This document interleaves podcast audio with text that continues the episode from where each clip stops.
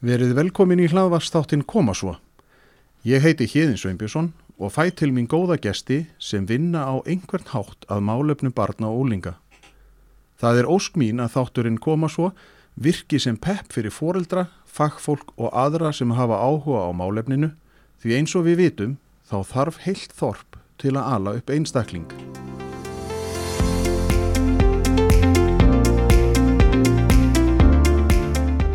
Verið velkomin í þennan hlaðvarpstátt koma svo þar sem að viðmælendi minn í dag er kona á besta aldri og uh, nemi meistaranemi og vinnur hjá UNICEF og í rauninni þá hef ég ekki grænan grun hvert ég ætla að fara með þetta viðtal. Af því að þessi stúlka, kona er ótrúleg og lífsaga hennar er bara fyndin, sorgleg frábær og svo bara fullt af jákvæðinni en ef við kannski að heyra hver er viðmælandin góðan kvöldin Góða kvöldi. hvað heitir þau? Nilsína Larsen Einarsdóttir. Heyrðu, Nilsína Larsen ég var nú búin að gleyma því að þú væri með hérna, hérna Larsen Já. byrjum þar Já, byrjum þar. Þannig að þú ert þú ert samt, sko, borin og fætt á Íslandi Jú, jú. á Reykjanesi Uh, í Njarvíkonum. oh, klikkaði á þessu Já. Nei, nei, segja það heitir Reykjanes bær núna, ég skal sleppa þér í þetta já, skipti. ég, ég fekk smá svona þú veist, ég fekk smá svona slag, þú veist, ég, ég var aðeins svona þú veist, heyrðu, þetta heitir, já, já, núna í dag heitir þetta svona Reykjanesbær, Þetta heitir Reykjanes bær, það það er annars svo Suðurnes, Suðurnes Nesjabær, er það komið, já Já. Hún hjálpaði mér með þetta kæru hlustendur, en Nilsína Larsen Já. nú þurfum við að ræða þetta er náttúrulega nafn sem að er frekar sjálfgætt eða ekki Jú, ég eða, er, að ég, ég veit að þú veist hvað eru margar Nilsínur á landinu en hvað eru margar Larsen á landinu já, nú veit ég ekki. Ég allan er sko skýrð Larsen. Þetta er bara svona eins og ég myndi heita Alexandra Ósk. Þá heiti ég bara Nilsína Larsen. Býtu, hvað, var mamma og pappi þá bara ykkur svona, e, voruð að horfa Matador eða? Nei, alls ekki. Þau voru bara að hérna, paying tribute hérna gagvart klaninu á Ísafjörði. Hvað, á klanin á er, það er eitthvað. Larsen fólk eða?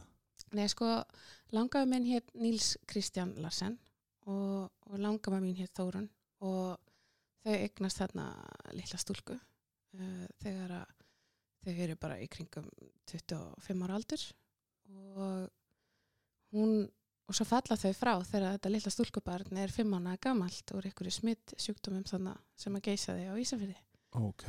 og hún er þá munalaus þessi litla stúlka. Og þessi litla stúlka var skýrið yfir kistunum hjá fóreldrum sínum Nilsína Þórun Larsen. Og það var amma mín og ég var skýrið í hefða henni. Já, og hún held á mér endi skýrð en, ok, ég, þetta, þetta er nú svolítið sorglegt. Hva, Já, hvað, þetta er- hvaða, að því að nú, við vorum nú svolítið að ræða það meina, s- þú veist, það er eins og sótt, eða veist, hvað er að gerast í, hei- þetta tengis kannski starfinu í hennu sem við ætlum að ræða á eftir þetta. En, en Nilsína, veist, ég er búin að berjast fyrir því og fæ e- engu á, þú kannski gerir það, ég er búin að reyna að fá hérna hérðinu, já en það er bara einhver, nein, það er engin að tengja. Nei, mér skilst þetta sem ég algengt á vestfjörðum að hérna, stúlkur séu skýrðar í höfuðið á svona eins og Gíslína og Magnús sína og allt þetta og langaði minn hérna alltaf Níls þannig Já. að það bara einhvern veginn lág í augum uppi að þetta litla stúlkubar skildi fá nöfn begja fóreldra sinna og, og hún bara stóð undir því sem, með sóma og, og, og ég fekk að eiga þetta nöfn þegar ég fættist. Og var ammaðin þá líka svona, sko, þegar maður, nú berð þú að nafn. Já.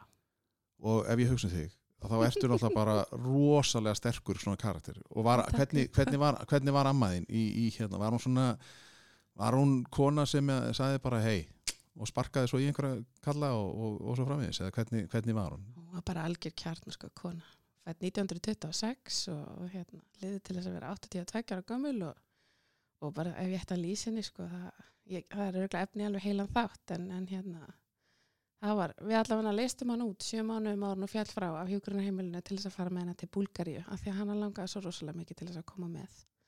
Ég og mamma mín og hérna þar þurftum við bara endur nýja vegabrif og vísakort og allan pakkan og skrifundir alls konar pappira til að fá ömmuna með og, og hérna kaupa sundból og ég veit ekki hvað, hvað, hún var svona kjarnarsku kona, hún tók sund, sundtökin hérna aftur í þessari ferð sjö mánuðum áður hún fellur frá ótrúlega flott kona, lærði að synda hérna á Reykjanesi á, á Vestfjörðum sem sagt, í, sundleginni þar þegar hún var nýja og tíu ára gömul Já, hún, eh, hún er verið að fengið sundkjenslu. hún fekk sundkjæslu, hún var eina þessum yngstu sem að fekk sundkjæslu sko.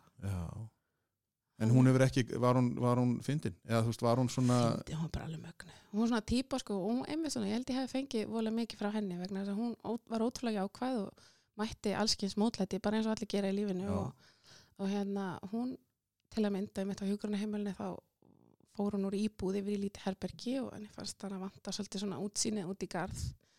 Þannig að hún bara tók sér til og klifti út alls konar blóm úr Family Journal og allskins blöðum og límdi inn á fataskáp hörðina sína. Þannig að þegar hún lá í rúminu og langaði til þess að vera út í garði þá opnaði mín bara fataskapin í og þar bara blasti við henni blóma garðurinn hennar. Þetta kalla maður að leysa málin. Þetta er geggjað. En, var, var, en auðvitað nú talar um áfall, meina, hvernig upplöfu, þú veist, hafði mikið, hafði þetta mikil áhrif á hana að hún misti mömmu svona pappa, eða svona, svona já, hverju tóku við, eða þú veist, hvar, hvert fór hún þegar hún var, var hún ein, sem sagt, engabatn eða var hún, já, hún var enga barn og hún var tekin í fóstur og alveg upp bara af ótrúlega ástrygri fjölskyldu og eignaðist þarna sískinni og, og ótrúlega marga vin og vandamenn og sem heldur bara stuttana alla tíða tíma sko. að því að við erum að tala, erum að tala um 1926, Já. það er náttúrulega bara veröldin, sko, við vitum ekki, sko, það er bara þannig, sko. Og líka þannig á vestfjörðum sko, þó að það hafi verið köpstöður og, og, og blúsandi veiði og alls konar í gangi sko, þá hérna þá var þetta náttúrulega mjög erfitt og, Mm. og hérna, en hún, hún hafði alltaf mestar ágjör að því að hún, þegar hún hérna myndi falla frá að hún yrði ein og það var svolítið magna sko því að hún er þarna fimm mánuða gömul uh, í lífinu, þá er hún ein og munaðalus og henni er bjargað og svo þegar hún er að liggja banaleguna sína sem tók alveg fimm, fimm sólarenga inn á, á sjúkrahús undir það síðasta Mm. þá hérna voru við 25 sem voru hjá henni á sama tíma Þannig að hún var sko heldur betur umvafin. að- umvafin ást og kæri og bara öllu og svo hafa örgulega mamma og pappi tekið á mótinni Já, Þannig að held við verðum að gera hún, það. hún fekk allt sem hún gaf Já. tilbaka. Já, þannig að þetta hefur verið mögnuð kona.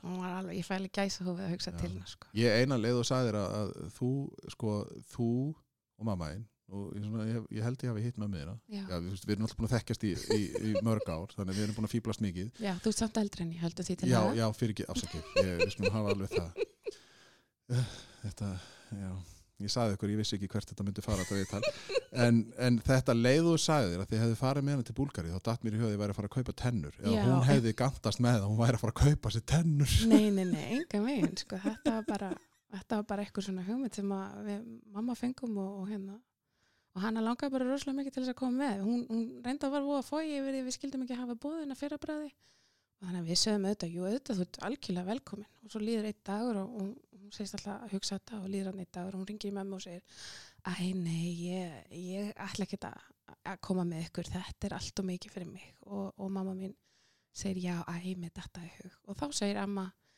Silla mín, ég er nú bara stríðar ég heldur betur að koma með, við erum að fara.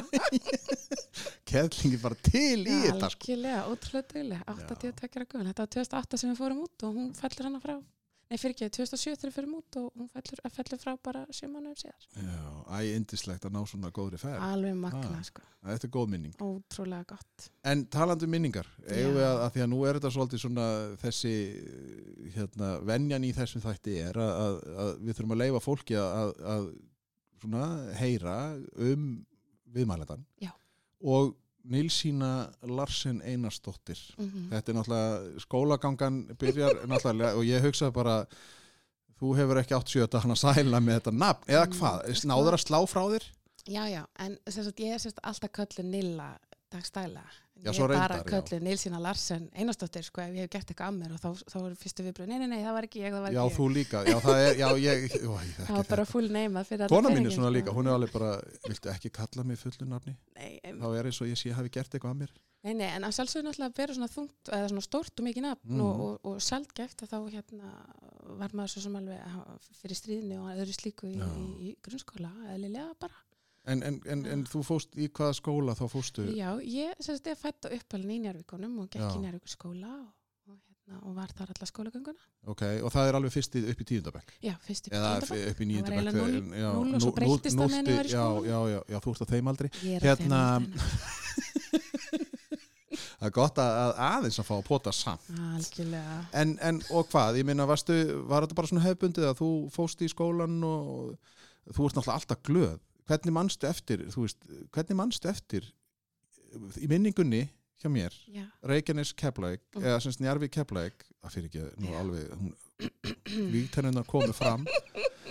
Sko þessi, þessi þetta, eh, það var bara alltaf rók og regning og hver er minningin að- hjá þér, svona, þú veist, hvernig var að vera þú veist, herin hann nálægt og, og þú veist, var, var gam, þú veist, hvernig, hvað gerði þið svona, eh, þú veist, þegar þið voru ekki í skólanum? Þegar við vorum ekki í Já. það var alltaf bara ótrúlega mikið út að leika og hérna, eitthvað, eitthvað að vesnast og mikið frjálsræði, máttu þið bara og svo var bara öskrað, bara já, já, matur! Og það Já, var einhver mamma, það var bara einhver mamma og þá bara ok, það erum það var bara kælis ekki makinanni það var bara Já. komið mat. Þú veist, þetta var ekkert mál og, og hérna og rosa mikið bara svona samneiti á meðal krakka í hverfinu og Já. mikið verið að fara út í leiki snúsnú og, og fallin spýta og deimalem og allt þetta þú það veist. var náttúrulega kannski ekki mikið að bílum þannig að fóröldarinn voru kannski ekki að hafa miklu ágjörð því. Nei, það var náttúrulega bara aðeins þessi tímarinn er í dag og, og, og ekkert sjómarp á 50 og ekkert sjómarp í júli og æþuvitið já, þú varst líka á þeim tíma. Já, já, ég, Eh, ég er alveg, ég er alveg fílað þetta. Þú lítur að muna þetta sterkar heldur en ég veit ekki af hverju ég bauður í þetta viðtal. Ja, við skulum halda áfram. Hérna, en þú allan að ferð í sagt, þá Njarvíkuskóla og það er svona þú upplifir kannski já, nafnið og svona en þú ert nú óheyrilega glaður einstaklingur. Náður, eða þú veist, gastu hérna sko hvernig er ímyndarafli og svona? Varstu þá bara, þú veist, að skrifa þú veist, lístaðins hvernig Nilla var í, í svona þessum árum, þú veist, hvað, hvað gerði Nillan? Nillan, hún, hún var volið mikið að hérna, skrifa ljóð og, og listræn sko, sem Já. að dansa og var alltaf með dansatrið á öllum ásatíðum og jólaböllum og, og bara lifði fyrir dansin sko. Svo varstu eitthvað í leiklisti líka, ég ekki Já, svona þegar aðeins leiða og fór ég eitthvað hann í framhald í fjölbrytaskólanum í Suðunisum þá tók ég þátt í ykkur svona smá litlu leiklistastarfi en svo var ég bara farin út sem skiptinum ég lendi hann í verkfallinu þegar ég kom inn í fjölbrytaskóla 84 þá veintalega 84 Nei, 80, fyrir ekki ég, var, að- ég, mynd, ég gleymdi Mm. hvaða ár já, hérna, við, eh, bara reyfið upp hvað verkfall þetta Já, var. emitt, þetta var hann að verkvalli 90, og hvað hafði það verið? Já, og það, Sjö- sá áratugur. Já, aðeins, því heldur. Og, og þá hérna, fór ég bara að vinna þegar verkvalli dundi á og fór að vinna í fiski og bara eins og hérna venjan er fyrir sunnan og, og hérna það er bara mjög algengt að fólk byrji þar sín starfsferil. Nú og svo ákvæði ég að fara sem skiptin yfir til Brasilíu. Þannig að ég bara sapnaði mér upp í þá ferð og fekk aðstöð líka hjá mamma og pappa og, og ég skildi mér út og var þar út í og hálfum mánuð Ég hef aldrei hleyft þér að stað ef að, ég, Vá hvað mamma og pappi hafa verið sko, og svo til Brasilíu. Já, það var alveg erfitt en ég var sko alltaf líka bara með ég var svona kannski, ég var alltaf verið svolítið á undan mér. Já, og, og hérna var alltaf eh, ekki Aðeins endilega mikið með jafnöldur mínum, ég var oft Já. mikið með bara krakkum úr öðrum skólum he, á Suðunisunum eða og eldri og eitthvað svo um, En aðeins þér, ég ætla að segja að veist, aðeins er ekki rétt orð, en það er allt annað handlíkur sko. Hérna, en ok, þannig að grunnskólinn, þú bara klárar hann og samræntuprófin og allt þetta, svo ferði í fjölbrytið Suðunisum, var eitthvað ákveðin braut sem þú fórst á? Já, ég fór á tungumálabraut. Ég var alltaf með eitthvað svona, svona draum um að, að hérna, verða túlkur hjá saminu þjóðunum og tala eitthvað svona annarkvæmt spænsku eða eitthvað svona eitthvað annað tungumál og, og hérna þannig að ég lærði spænsku og, og svo eiginlega held ég að það hefur verið því að ég fer hérna út sem skiptir mig Þau í Brasilíu sem tala portugalsku. tala portugalsku, þannig ég tala portugalsku Já, ennþá, og eftir, Já. mannst þetta alveg eftir síðan það? já, svona, þú veist, þetta er maður eitthvað ryggar en, en hérna, ég get alveg dott í það að tala portugalsku það er ekkert mál Snild. Þannig að þú, sem sagt, ferði í mentaskólan eða í framhaldsskólan Suðunisum Já.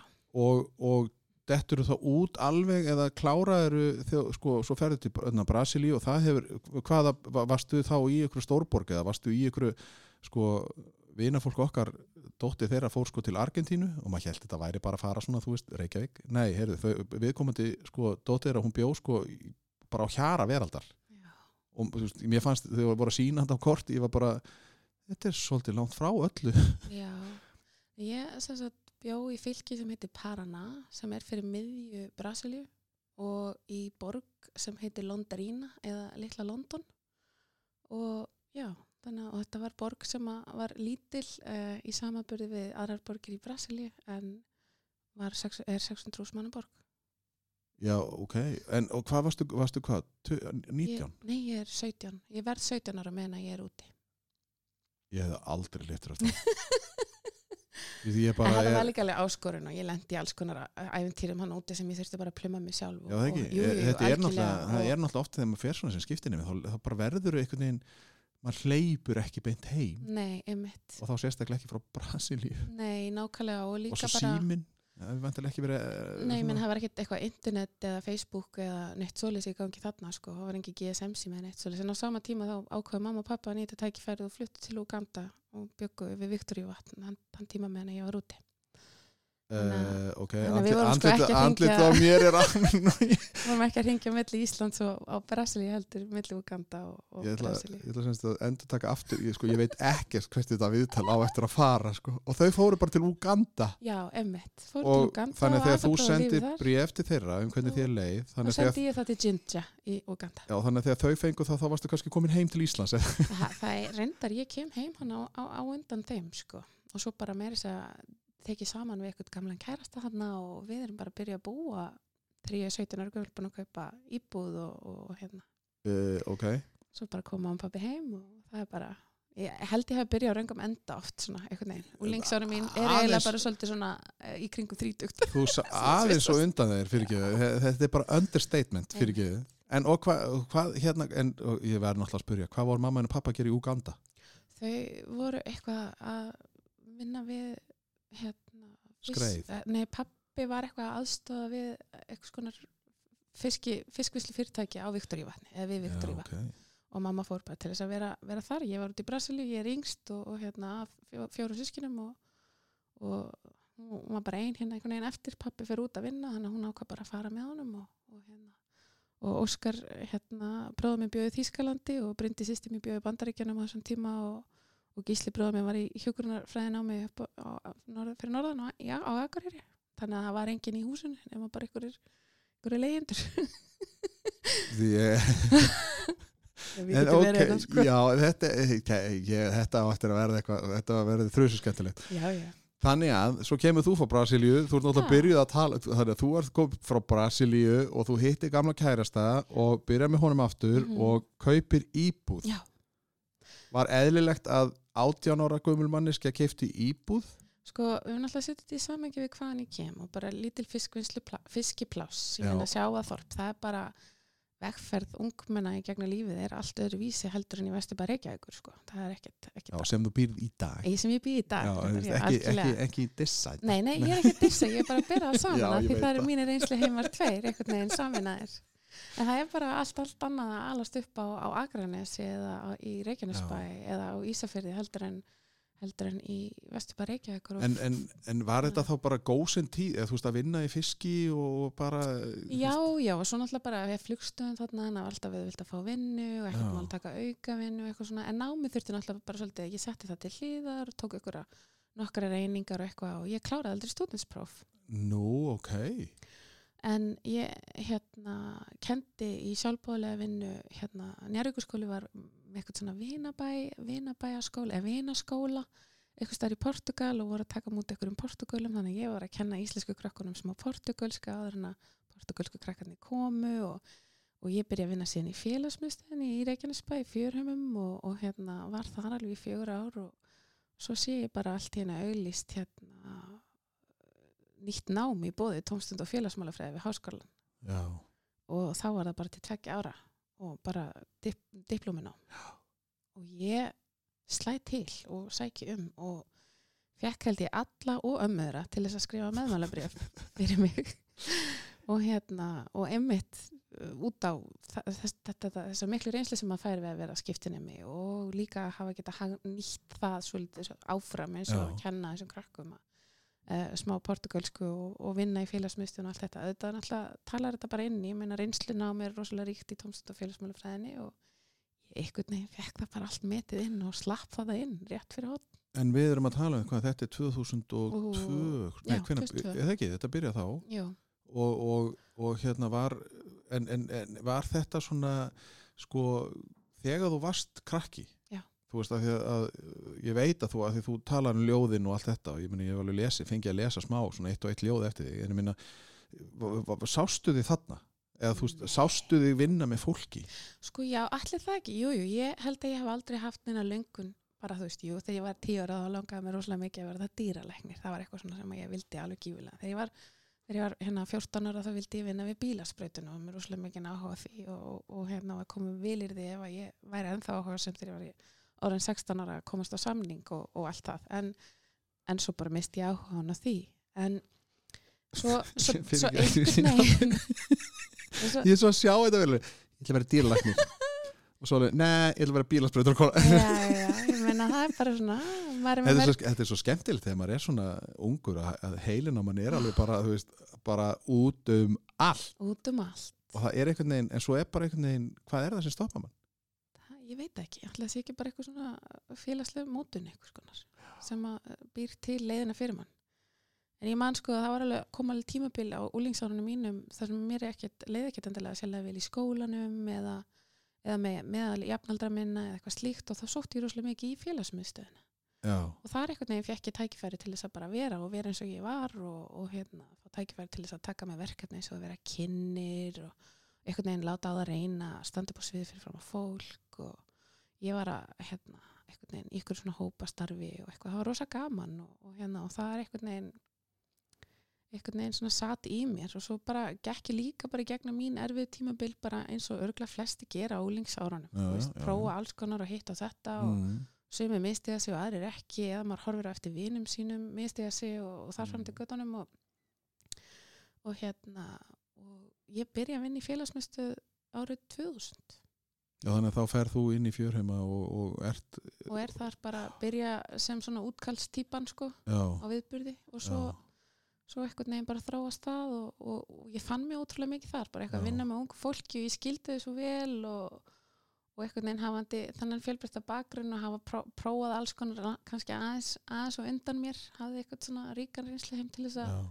Að hérna loðsa þau í gegnum eitthvað og, og ég á ennþá rosalega mikið í þeim í dag sko og nú er þetta alltaf bara fullari fólk og Jú, jú, ég meina þetta er, þetta er náttúrulega bara það, það sem að gefur lífinu lit einhvern veginn, að maður er einhvern veginn svo sko, og svo fyndi þegar að maður hugsa til þess að þetta eru störfin sem eru minnst verðmætt já, en ég veit ekki það, En- en, vera, það að fá tækifæri til að vera mikilvægur fullurinn í lífi einhvers á þessum árum er bara ríkidæmi í sjálfu sér sko. Já, já, ég er að meina sko að, að þú færir samt sko þetta með að, að ef þú horfir á sko viltu verða fórstjóri og með alveg slata peningum og í leiðilegri vinnu eða viltu vera að vinna með fólki sem að er bara, maður getur hlegið, maður getur grátið, maður getur miðlað og allt svona um, það er náttúrulega eins og segir, það er náttúrulega ríkidæmið. Já, En- en var, var hérna gastu, þegar maður, við erum að tala um að við, við sem höfum verið að vinna í svona félagsmyndu, gastu séð svona ég til dæmis gatt séð krakka sem áttu erfileikum með til dæmis að var kannski eitthvað drikja eða svona svona fyndi svona, veist, svona maður, maður horfði á ár eða þú veist, ég veit ekki hvað þetta var bara, ég, bara, ég bara vissi ef, ég, það var eitthvað svona það var eitthvað. Þú veist, gastu séð, þú veist, spottaðu út Já, er, það, er þetta ekki bara að vera ríkur af innsægi, þú veist, að, að lesa í fólk og, og, hérna, og líka bara vilja vera opinn fyrir samtali við alls konar fólk á sama hvað aldrei, sko, og þú finnur, maður finnur það bara held ég. Og, og hérna, og ég átti allavega rosalega mikið í rosalega mörgum krakkum sem átti undir högg að sækja, sko. Já, Þannig að þau eitthvað neginn funguruðu kannski ekki endilega í skólastarfi eða áttu ekki, ekki vinahópa í sínum skóla en fjörimar voru og eru svona safn félagsmyndstöð einhvers konar milli margar skóla já, og hérna komið þangað á svona frjálsan vettvang og sínum fórsendum og kynntist kannski krakkum úr öðrum skólum sem var svolítið ég þegar ég var rúlingur og hérna og tengdist þar í gegnum eitthvað hópastarf eða, eða eitthvað slíkt í gegnum sem er náttúrulega líka þú horfir á mentaskólan eða þú veist, þegar maður fer þú veist, að, að maður bara mentaskólan í Kópo, ég, var, ég fór reyndar í Vestló bara því ég vildi, mér langaði svo að, að opna, þú veist, á fleiri hitta aðra, Einmitt. en fór samt tilbaka því það var svo auðvelt að, þú veist, krakkarnir þetta tala um að ég hef fallið í Vestlóðin, það er ekki rétt en hérna, ekki hlæja mér. Nei, líka mig en, það er, en þetta er svona þetta með þegar maður er einhvern veginn svona sko með að maður, maður, það er svo gaman að vera með fólki. Já, það er svo gaman að lesa fólki svo, eins og þetta kannski að, eins og vorum að tala um áðan að, ég bara, ég dyrka þetta að vera að, að svona bladra við fólk og bara já, ger, og svo gleymi ég mér að því mér finnst þetta svo allt, ég er alveg bara vá, já, gerður þetta. Já, þú ert líka bara svo forvitin. Reyndar er það það það er, það er, sagt, það er sagt mér að ég sé forvitin. Ég mitt hann tal, sagði það. En ok, þannig að þú ferð í námið klárar það 2004 þá? Já, sko, meðan ég er í náminu þá er það lengt til fjár ára og var engungu kent í fjarnámi. Þannig að ég klára ætlaði bara að leggja upp með þessa diplómu já, en fyrst það var opnað til fjár ára þá ákvað ég náttúrulega bara að slá til og ég er þarna annar árgangurinn sem útskrifast úr náminu og lærði alveg heil mikið af því. Og á þeim tíma líka var hérna var mér búin að vinna út að selt hérna nesi árið 2004 já, þá er ég hálfnum í námið og, og hérna í selinu á Seltjarnesi og hjá Já. henni Möggu Sigurðar. Og sem og ég þáði, ég reyndar fór ég viðtal hjá henni og, og, og hérna henni Lindusif sem var að vinna hana og, viðtali gekk alveg brjálæðislega vel og, og hérna en svo fannst mér þetta allt eitthvað svo yfir þegar þurfum að flytja að Suðunisunum og inn á Seltjarnanes og ekki vera með bíl og ekki vera með íbúð og fara eitthvað að leia og mér fannst þetta allt eitthvað svo ótrúlega íþingjandi þannig ég ringdi Lindu og afþakkaði vinnuna af og Magga var á þeim tíma akkurat í ykkur helgaferð um, Erlendis og um leið að hún kemur sko þá ringir hún í mig aftur og segir bara byttu byttu ringið þú svo bara hérna meðan ég er úti og afþakkar vinnuna, við, við verðum alveg búin að ákveða það við ætlum að ráða þig. Og ég segi nei nei, þetta er of mikið. Og hún einhvern veginn bara í þessu fimm minútna símtali eins og hún er talaði mig bara til, til og ég allt í hennu bara er ég flutt út á nes á þess að hafa í raunum veru haft mikið um það að segja. Þetta eru áhrifavaldanir í líf okkar að það er bara og, og. Margaret, umrætt Magga Sig er sagt Margaret Sigurðardóttir sem er náttúrulega búin að vera hvað æskulís og tónstöðufullur í Seltinnesbæðar bara í 100 ár. Já, og uh, hún er líka þekkt fyrir nýja verkefni með að hundar, nei, Lesið fyrir hunda. já, félagi Vigdís. Já Þannig að hún er, og svo var hún ein af hérna, bestu fótboltakonum Já, landsins og þannig sko. að hún er náttúrulega keppnis, þannig að þetta er alveg, hérna, ég skil vel og það er náttúrulega þarna sem ég kynnist já. þarna hittust við og það Einmitt. bara, það var eitthvað sem sagði tjú bang, algjörlega, við erum búin að vera skotin í hverju öðru síðan já, þetta er svona platónst, var það ekki? e, jú, algjörlega, Já. Þú, hérna, e, þannig að þú varst allan að góð klóra, já. Það alveg, það var alveg kjörið, sko. en það, en við, við allan að unnum hana í gegnum félag fagfólks í frítíma þjónustu þegar það var stopnað sem við ætlum að fara að ræða núna því að þú komst náttúrulega stopnun félags fagfólks í frítímaþjónustu. Já, og það var náttúrulega skemmtilegt því þar voru við svolítið hérna, það var öflugur hópur sem var Rafnildur Áspjörs, mm Sóli Tómasar já. Eigló Rúnars Stengir Kristjáns. Steingeru, Steingeru Kristjáns ég og þú. Já, gott Ver- ekki að Magga hafi verið hana með og okkur. Magga Sig, já, já, Já. þetta, þetta var svona, þetta var ákveðið á, á hérna, jú, jú, hún var hana með. Jú, jú, þetta var geggjað sko. Þetta var ákveðið hvað, á aðalfundi samférs 2004 þá áttu ykkur áhuga samir að skrá sig og við hittumst og við rættum og alveg fram og tilbaka og svo stopnum við þetta félag hvað 2005 já, og við gerðum brölluðin og ímislegt saman. Algjörlega og bara, ég held að líka bara stopnum slíks félags hafi bara algjörlega verið nöðsynlega á þessum tíma og Já. hefur líka bara, eins og maður horfir á félag í dag, ég held, já, að það, þá er bara svo ótrúlega margt búið að gerast. Er bara sem er svo magnað sko bara, þetta er bara æðislegt sko og það er svo mikilvægt að, að hérna, fólk á vettvangi frítímas eigi einhvers konar plattform eða svona, Vett- svona vettvang til þess, að, til þess að hittast og skiptast sk- hérna, hugmyndum og, og, og hérna deila með sér einslu því að við erum svo fjölbreytt og samfélagið er svo fjölbreytt og við verðum einhvern veginn að hafa tækifæri til þess að, hittast og, og hérna, peppa og, og, og, og hvetja áfram sko. já, og svo er það náttúrulega þetta eins og þú segir, kemur sjálf inn á ég meina þetta óformlega nám. Já, sem er náttúrulega sko, maður læri kannski ekki beint að, að vera sko félagsleg færni hvar lærist hún? Lærist hún í byðruðinu eftir að fá grjónagrautin í, í hátegislínu og, eða svoleiðis hún gæti alveg gert það sko. Já, stöttu tími en, en, en, er knappur. náttúrulega, en þú lærir náttúrulega ákveðna hluti en, en, en kannski er þetta líka sko verðum við ekki hvernig finnst þér þessi umræða um til den skólakerfi, hefur þú svona náða að skoða það? Veist, finnst það mikið að breyst eða veist, ertu eitthvað svona varst eitthvað nú, að því að þú varst náttúrulega út á seli í, í fjöldamörg ár? Mhm, ég var þar í sex ár. Og, og hérna, ég meina hvernig fannst þér, þú veist, var Valhús og skóli sem að tengist sem er úlingaskólin á Seldendinesi mm var hann semst duglegur að nota ykkur já, í svona sagt og, og, og, og bókstaflega viðurkenna svona óformlegt nám kannski? Algjörlega og ég held að mitt að Valurskóla og Selið líka bara og Seltíðanes í hilsinni þetta er bara, þetta er svo ótrúlega kompakt samfélag. Já, og þegar voru svona áskorunir í, í skólunum þá eitthvað veginn lágu lausnirnar á vettvangi frítímas í gegnum félagsmiðstöðuna þannig að við náðum að vinna ótrúlega mikið með allskins fræðslur líka bara aðstofa við sér úrræði kakvart við sem hérna, börnum og ungmennum í skólanum uh, við sáum um alls konar eh, leiklistar eh, sk- skemmtilegheit og há- hátíðir fyrir skólan þannig að það var ótrúlega mikið upplýsingaflæði og samstarf á milli skólans og ég held að það sé svona uh, það sem að Seltjarnesi hefur alltaf haft umfram til að mynda Reykjavík og, og, og önnur, önnur stærri fél, sveitafélög sko. En ég held að þetta sé að breytast hægt og rólega núna. Ef maður horfir Já. á skóla og frísendasviði á Reykjavíkuborg í dag, þú veist, það er miklu meiri svona samlegar áhrif af, af, af þessu frjálsa og óformlega námi sem á sér stað á vettfangi frítímas yfir í skólan og, og, og væst versa, sko. En svona ef maður er eitthvað að horfa til framtíðar þá vitum við, vitum við það bara núna að við erum í dag að menta börnum menni tilnáms í störf sem verða ekki til staðar eftir tíu ár. nákvæmlega Þannig að þú veist, það eitthvað, það er, er mikið að breytast, samfélagið er að breytast og heimurinn, ég meina aldrei nokkur sinni hafa jafn margir einstaklingar verið á ferðinu um jörðina á sama tíma. Já, Uh, þetta, er, að, þetta er- er, þetta er bara tíminn, þetta líður svo hratt einhvern veginn og, og mér, mér finnst líka spennandi því að, að hann Arnar Hólm sem að kom inn og við vorum að tala um sko rafíþróttir og, og hann sagði einhvern veginn svona pent án þess að dissa mig og, og fleiri að, að sko ungi, krakkarnir í dag þau náttúrulega bara fæðast inn í tæknina. Já, á meðan við erum alltaf að elda og svo loksist þegar við erum búin að ná tökum á einhverju þá bara nei, þið eruð átt og maður, er, og maður er alveg bara ha, er, er sagt, yrkið ekki ennþá?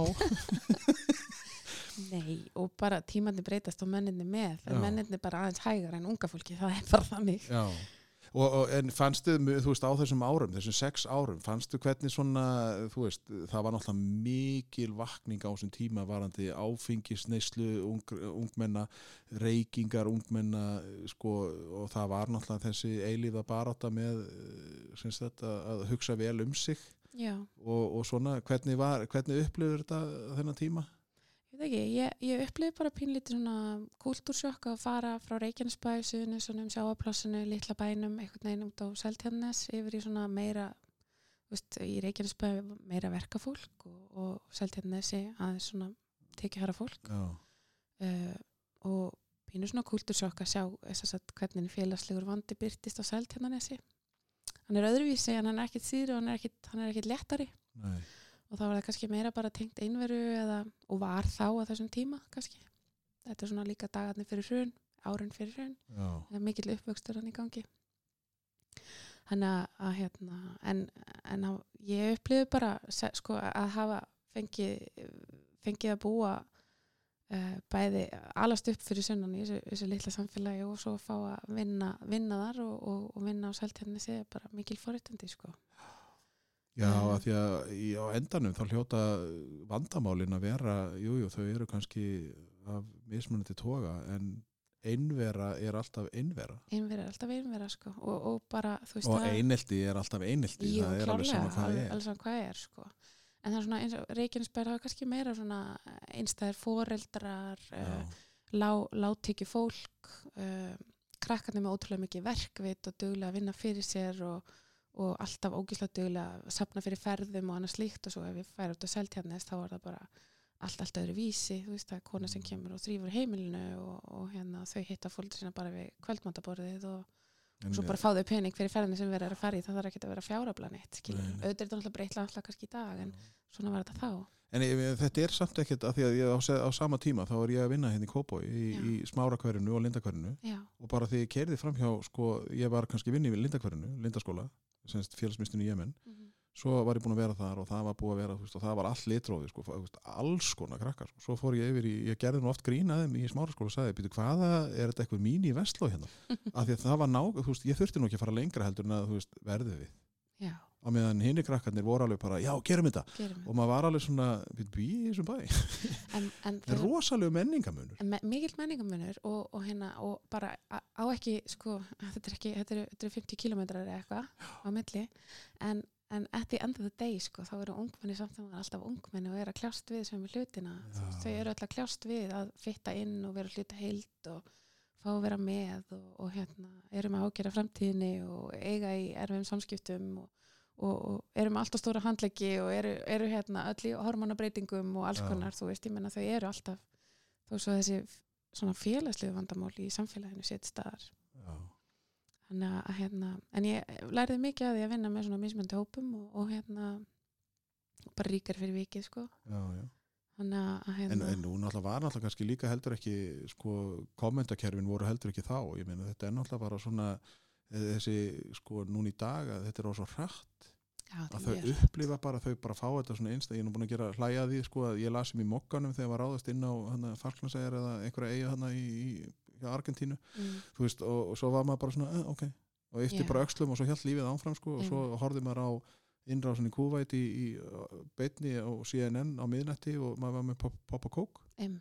En svo núna þá er þetta bara veist, hræðilegir atbyrðir út um allt og maður veginn fær svo, það er svo mikið matað af þessu slæma Já, það er náttúrulega bara virðist ekki vera fjarnætt nema að sé eitthvað alveg hræðilega Já, neikvægt. og, og ég man á sínum tíma við rættu það oft í þessum, við sem vorum að vinna í þessu að það var alveg merkilegt hvað ef að úlingar gerðu eitthvað af sér ef það var sérstaklega neikvætt að þá var það alltaf komið á fórsíðuna Algjörlega, en ef þið voru að gera eitthvað gegga jákvætt, Að þá bara það áheyrt, engin sko. áheyrt. En ég held að þetta sé líka að breyta. það er aftur á móti búið að breytast Sem er af svo því að það ótrúlega er svo skemmtilegt. að það er bara og sjáðu bara eins og krakkanir í hagaskóla í dag sem eru að, að reyna að, að snúa ákvörðun stjórnvalda um að, að senda skólafélag nú landi sem að maður er bara þetta er svo, eh, veistu það, maður, maður fær bara, þú veist, maður fær svo gott í hjarta. Maður fær ekki illt í hjarta, maður fær sko gott í hjarta. Þetta er svo mikið kærleikur. Já, ég hef algjörlega óbílandi trú á þess að varpa á allri ábyrðin yfir ungt fólk en ég hef óbílandi trú á þeim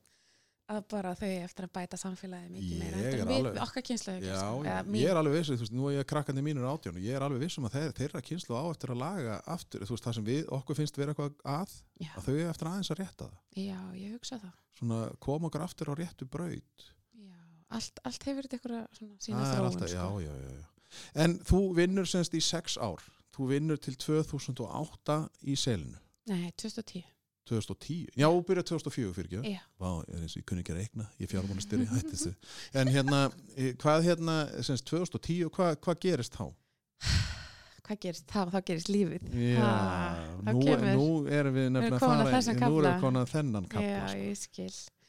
Um, Þá uh, hafði ég hugsað mér að taka mér leinilegsleifi og fara í, í mestranám hustið 2010 Já, Sumulegis ákveði 2010 að hérna, endurvekja skátan í sjálfur mér og ákveða að skella mér á hérna, heims, heimsmút í Kenya í júli 2010 og ég er búin að vera með eitthvað svona skrítin hóstæla allt árið og meðan ég er út í uh, Kenya að þá einhvern veginn vestnar sér hósti og ég kom eitthvað eittlastækkanir og, og bara held ég væri með eitthvað Afrikupest sko, að ég, maður er náttúrulega búið að Já. sprauta mann með alls konar hérna, lifjum áður maður fer út og, og hérna og svo alls konar bólusetningar og svo maður gúfið sem malar í töflum á meðan að maður er að núti og borða og, og mat sem maður er ekki vanur að borða og alls konar svona.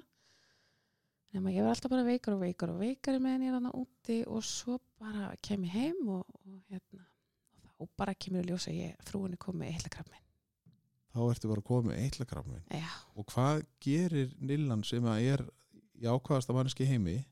Hvað, hvernig bregst maður við svona, svona frí, eða þú veist þetta myndi slá marga út af læginu ég heimur er hundi algjörlega sko.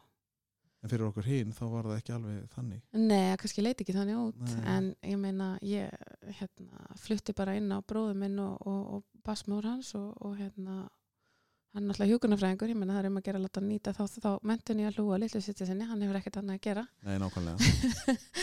En ég var svo heppin sem sagt að fá að vera fá að eiga heima hjá þeim alveg í þrjá mánu vegna þess að ég bara fæ taugafall og Já. bara réð ekkert við það að, hérna, að búa ein, ég bjó- bjó ein á þessum tíma Mhm.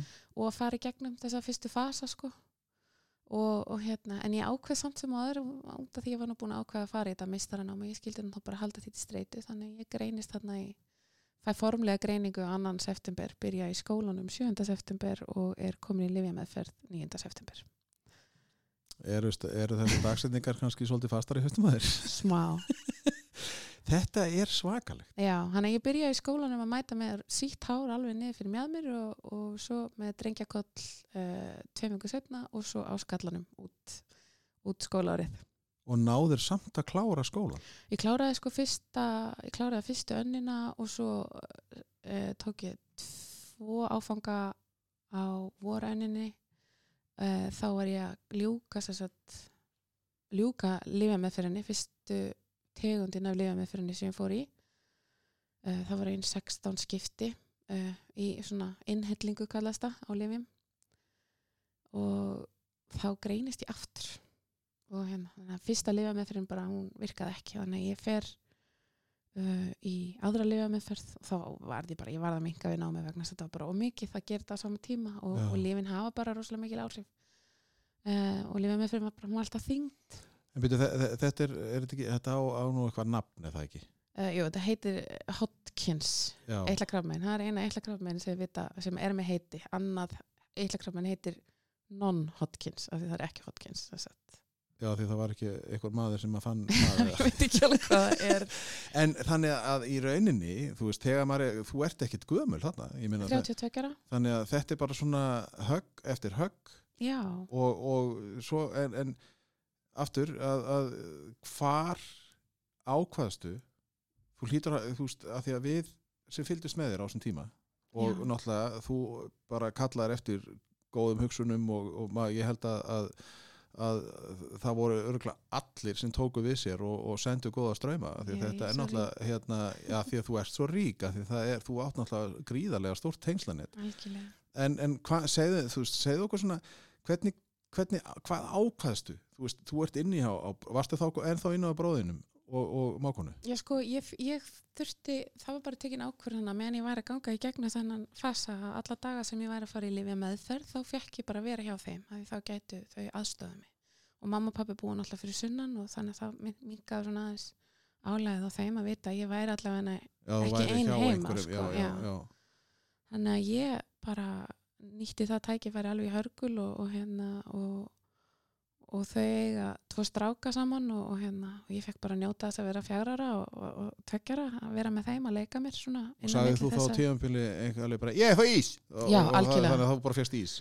Basically, allt sem þeir fengu fekk ég. Var bara eiginlega þriðja batni á já, heimilinu ok, þannig að það, þú hefur einhverstað verið alveg ádegruð hérna litla já, sýstir já, já, ég verð það allt mitt líf sko, en, en hérna, þarna alveg sérstaklega. Já. En og, og hvað, ég meina þetta er, þetta er 32 ára að fá svona Mm. fréttir, Hva, hvernig sko hugsanir þínar, eða, veist, hvað hva svona, hvað fór í gegnum kollin á þér? Ég held bara, sko þetta er þannig krabbamein að mér var sagt að ef ég þyrfti að velja krabbamein þá er þetta krabbamein til þess að velja sér. Ú, að það væri læknanlegt í 90% tilfella með þessari fyrstu tegund af lifja meðferð ok, sem ég fór í og ég fór í hana og, og bara náði svona þokkalegum takti í gegnum hana. Um, en svo þegar ég átt að máði að ég er í tíu brjóstunum sem að gengur ekki vel aha, að þá bara held ég að það væri bara að búið sko. Ok, og hérna þá einhvern veginn þurfti ég svolítið að setjast niður og eiga fund með mér og sjálfur mér. Já, og eiga svona samtali um hvernig ég ætlaði að gera þetta og þá var þetta ekkert lengur spurning um sko hvort að ég myndi lifa þetta af heldur hvernig ætlaði ég að lifa þetta af. Ok, já, og þá var þetta heldur ekkert spurning um hvort ég ætlaði í gegnum þetta heldur hvernig ég ætlaði í gegnum þetta. Og þá Já. bara varð ég að reyna að byggja ofan á um þessu dásamlega hennar ríkidæmi mínu sem tengslanetti mitt er og vini mínir og, og fyrir um samstarfsfélagar og alls konar. Þannig að ég nýtti samfélagsmiðla og setti svona lokaða grúpu og stopnaði tím Nilla og fekk alls konar pepp í gegnum það og, og nýtti, nýtti samfélagsmiðla til að ég myndi að kalla eftir góðum strömmum og bara fá jákvæðni e, senda til mín, ég bara setti það þarna út og, og, og bara fekk allt sem ég bað um. Já, já, Mm, svo á einhverju tímapunkti þá kemur það ljós bara að, að þessi lifjameðferð þannig að númer tvö um, var ekki heldur að virka. Nei, Þannig að ok, ég reyna að hættu. veru greinist í þriðaskipti og þá er ég sett á einhvern aldagamlan kúr og hérna ég fer hérna úr fyrstu meðferðinni sem var fjóri tímar á tvekja vegna fresti í þessa lifjainhendlingu yfir í aðra lifja meðferð sem er þá þrýr dagar, átta tímar á dag sem þrýr dagar í röð á þryggja vegna fresti og það hafði ekki áhrif á sem sagt krabminsfruminnar þá fer ég á þriðja kúrin uh, sem að var fimmdagakúr og svo fór ég á aðra blöndu sem var fjórði kúrin í raun og veru sem var áttadaga kúr á þryggja vegna fresti og var þá í heima einangrun og svo endar þetta í raun og veru á því að ég fer í uh, háskamta meðferð sem er svona tífaldir skamtar af, af sam, vissum livjum, samsetningu livja og fæ svo eigin stoppfrumur ígrætar aftur í mig.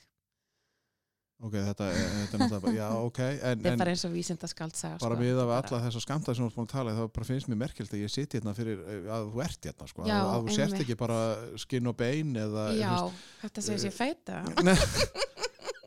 og ég lappaði inn í þessa gildur sjálfur takk fyrir, þetta var þetta viðtal nei, hérna, það, er ekki þetta er bara, þú veist og, og, og hvað, og hvað, já. þú veist, ég meina þetta hlýtur að hafa haft, veist, hvernig áhrif hafði þetta á líkamann og, og hvað, veist, ég meina ekki það að, að þú ert undarlegt nokk að þá ertu jákvæðasta manneski sem til er í heimi og ég man eftir þessum tíma að maður var alveg bara ég hefði örgulega fleikt mér eitthvað Já, já, það er náttúrulega bara, þú veist, og svo náttúrulega Svo náttúrulega velum á maður maður attitude, bara- sko. Já, þú veist, þetta er, þetta er ekkert spurning um sko, hv- hvaða tilfinning kemur fyrir þig.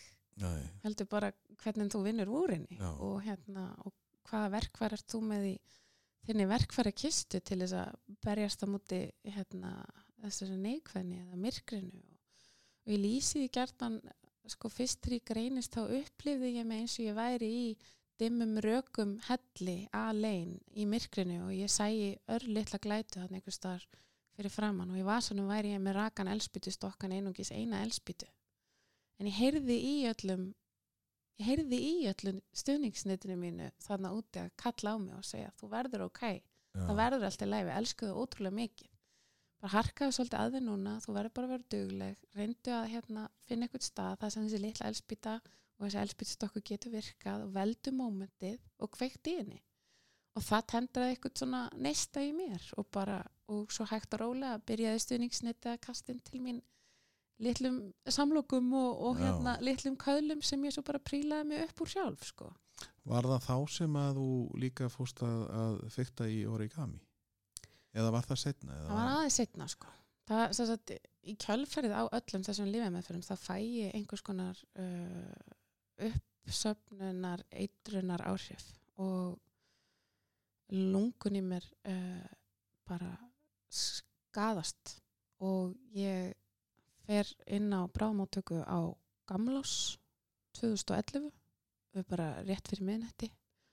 Og mm, þá vita þér ekkert hvað er að en þeir sjá bara að mér er að raka og ég er alltaf að verða veikur og veikari og þeir sjá að hjarta slær hraðar og súrifnismettunin verður minni og á okkur um þeimur dögum þá er ég bara komin inn í öndunavill bara þarna í byrjun januar 2012 þannig að ég var bara svæfð og hérna látin sofa og mér var ekki huga líf og allir fólkinu mínu var safnað saman upp á hérna bráðamáttöku og nú fæ ég alveg svona að, þú veist, upp á bráðamáttöku til að kveðja mig og, og hérna, þeir vita ekkert hvað er að og það er, það er, þetta er ekki krabba meini, þetta er bara afleggingarnar af öllum lífjánum sem er að gera þetta og, og hérna og svo bara stendur í sjúkraskísluna að ég sé vöknuð með dramatískum viðsnúningi sem þýðir náttúrulega bara ekkert annað en kraftaverk. Já, og hérna bara líka mér fekk það kvildi í öndunarvilni sem hann þurfti til þess að bara já, vinna, vinna eins og og bara sjálfur koma já. tilbaka en það átti ekki múin á því samt sem að sko En, en varstu lengi í öndunumvilni? Já, tæpa þrjá sólaringa var mér haldið svoandi. Já, þó samt, eða, þú veist, ég, ég held kannski að þetta hefði verið mánuður, sko, Nei. eða, þú veist, þannig að þetta voru bara þrýr sólarhingar. Já, en ég vakna sko með 75% skerðingu á lungnastarfseminni minni og bara stekkunu hjarta og eitthvað svona alls konar vesen í kjálfæri sko. Og hvað, þú veist, þannig að enn eitt áfallið. En neitt áfallið. En var þá samt ekki búin með hotskins vinnurðin var ekki, hann Jú, var, ekki, þarna var búið að kasta honum út sko. já, hann var farin Já, hann, var- hann, var, komin út. Þannig þannig að þá bara tók næsta við. þá tók bara næsta við sko. og hvað gerir maður þá? þá um, er uppáhaldsljóðið þitt urð og grjót upp í mót? Nei, ég á upphúsljóð sem að fjall, ég man ekki hvað, það heitir gott og, gott og vond ég, þú sendir mér það ég setja það inn á Facebook Já, þetta, er, þetta er alveg magnað. Og það er eitthvað svona mikið er það gott að liggja í mjúkum mosa, horfa upp og brosa. Þetta bara eitthvað svona þetta er eftir Eh, Eldjan Tórar en Eldjan eða eitthvað, þetta er ljóð. þú voru að senda mér það, ég ætla að setja þetta á þegar að, að, þetta er náttúrulega bara magnað. Og hvað, ég meina, þú með þín lungu bara í volli? Já, allt í voli alveg bara og send svo heim hann að mánuði setna eftir, eftir að hafa leiði inn á, á hérna, sjúkrafsi í einhvers konar endurhæfingu og við send heim og ég bara byrja að reyna að ganga um og reyfa mig og, og eitthvað og krakkanir og seltjarninesi heldur fyrir mig styrta tónleika til þess að hjálpa mig fjáraslega út af því að þetta var bara búið að vera svo langu fasi og það er svona eitt merkilegasta kvöld lífsmís að hafa upplifað að sjá all þessi ungmenn eh, allt þetta unga fólk, líka þetta unga fólk sem var orðið gamalt fólk eða eldra fólk sko, mæta. Já, þannig að kemur koma tengslin og, Já, já, og já. þetta kærleikurinn sem Einmitt. umvefur þig. Og það var í mars og svo í apríl þá segir ein vinkona mín mér frá því að hún hún, ætla, hún segir mér lendamál hún segir ég ætla að hlaupa í Reykjavíkumarathonu og bara ekki segja nefnum ég er að æfa mig og eitthvað svona.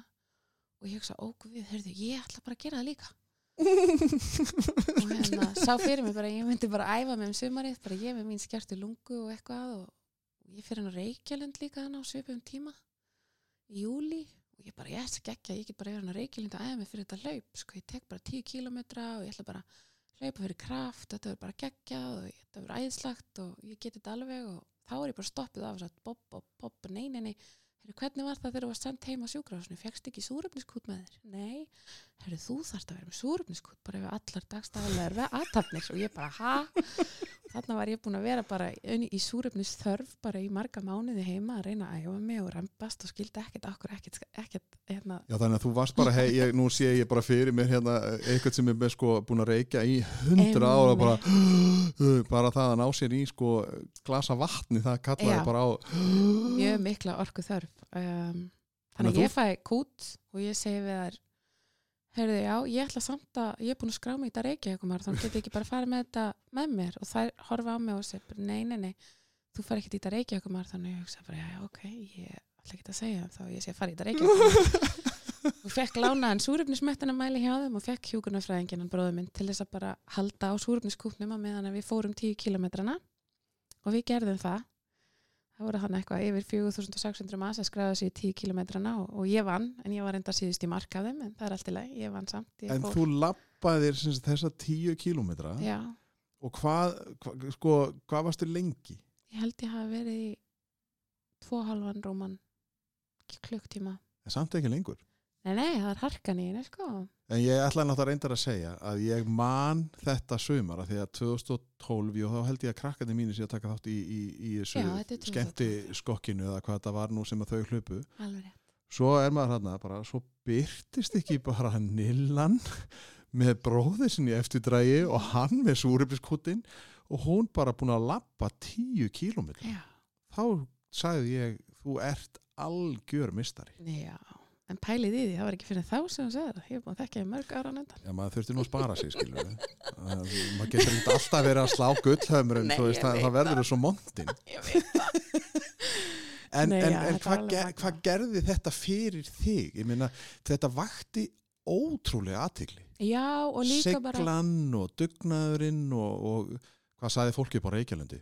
Sendur ekki bara skeiti, bara ha ha ha ha.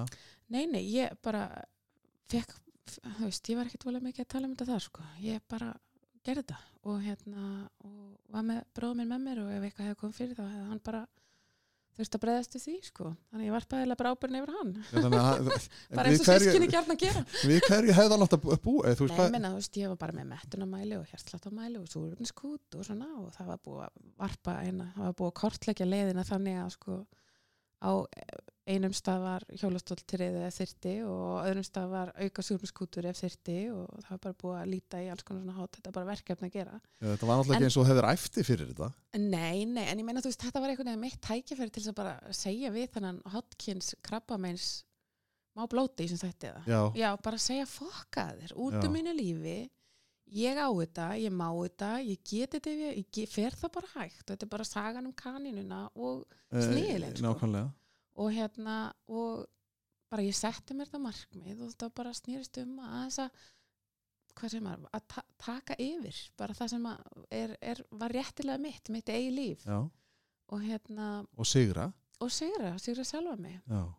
Ég hef reyndar ekki tekið þátt í Reykjavík marathonu síðan 2012 og ég veit ekkert En það ertu ekki íþróttakona frammi sko fyrir neitt sko, það er bara ekki hægt. Nei, enda, enda sko, en ég hugsa ef ég geri það, þá ætla ég líka bara að vera komin á þann stað að, að hérna að ég fer þá til einhverja tíu kilometra þá fer ég bara lengra. Auðvitað, ekki það, þið er alveg trúandi til þess. En, og, en þe- þetta er náttúrulega bara seglan sem að við mannskeppnan er. Algjörlega. En ég líka dáist að bróðinum Já, hann er aðeinslur, ekki samt dásama hann of mikið sko. nei, nei, ég en, er alveg en, bara, þú hann veist, alltaf að segja ég sé svo mikið til skuld við sig sko. ég er bara þarf að passa frýtt út lífið og ég veit ekki hvað, og hvað þetta er alveg ha, býtu fyrir ekki, voru þeir ekki fjögur ára þegar þú fjast þetta? Ah, Jú, jú, algjörlega Já, langt síðan, þeir eru orðinir alltaf miklu úlingar núna Nei, nei, nei, hei, ég er algjör rock frænka sko. ok, Já, sem er líka bara gegja hlutverka eiga því að náttúrulega annað sem að krabbmeinslega með fyrir gerði var náttúrulega út, gerði út fyrir það að maður geta eignast börn þannig að, þá þannig ert að þú ég fæ náttúrulega eins bara og að vera kikkaðs frænka og það er já. geðveikt. Já, þú færð að eiðilegja bara að gera allt sem er er talið við nillu.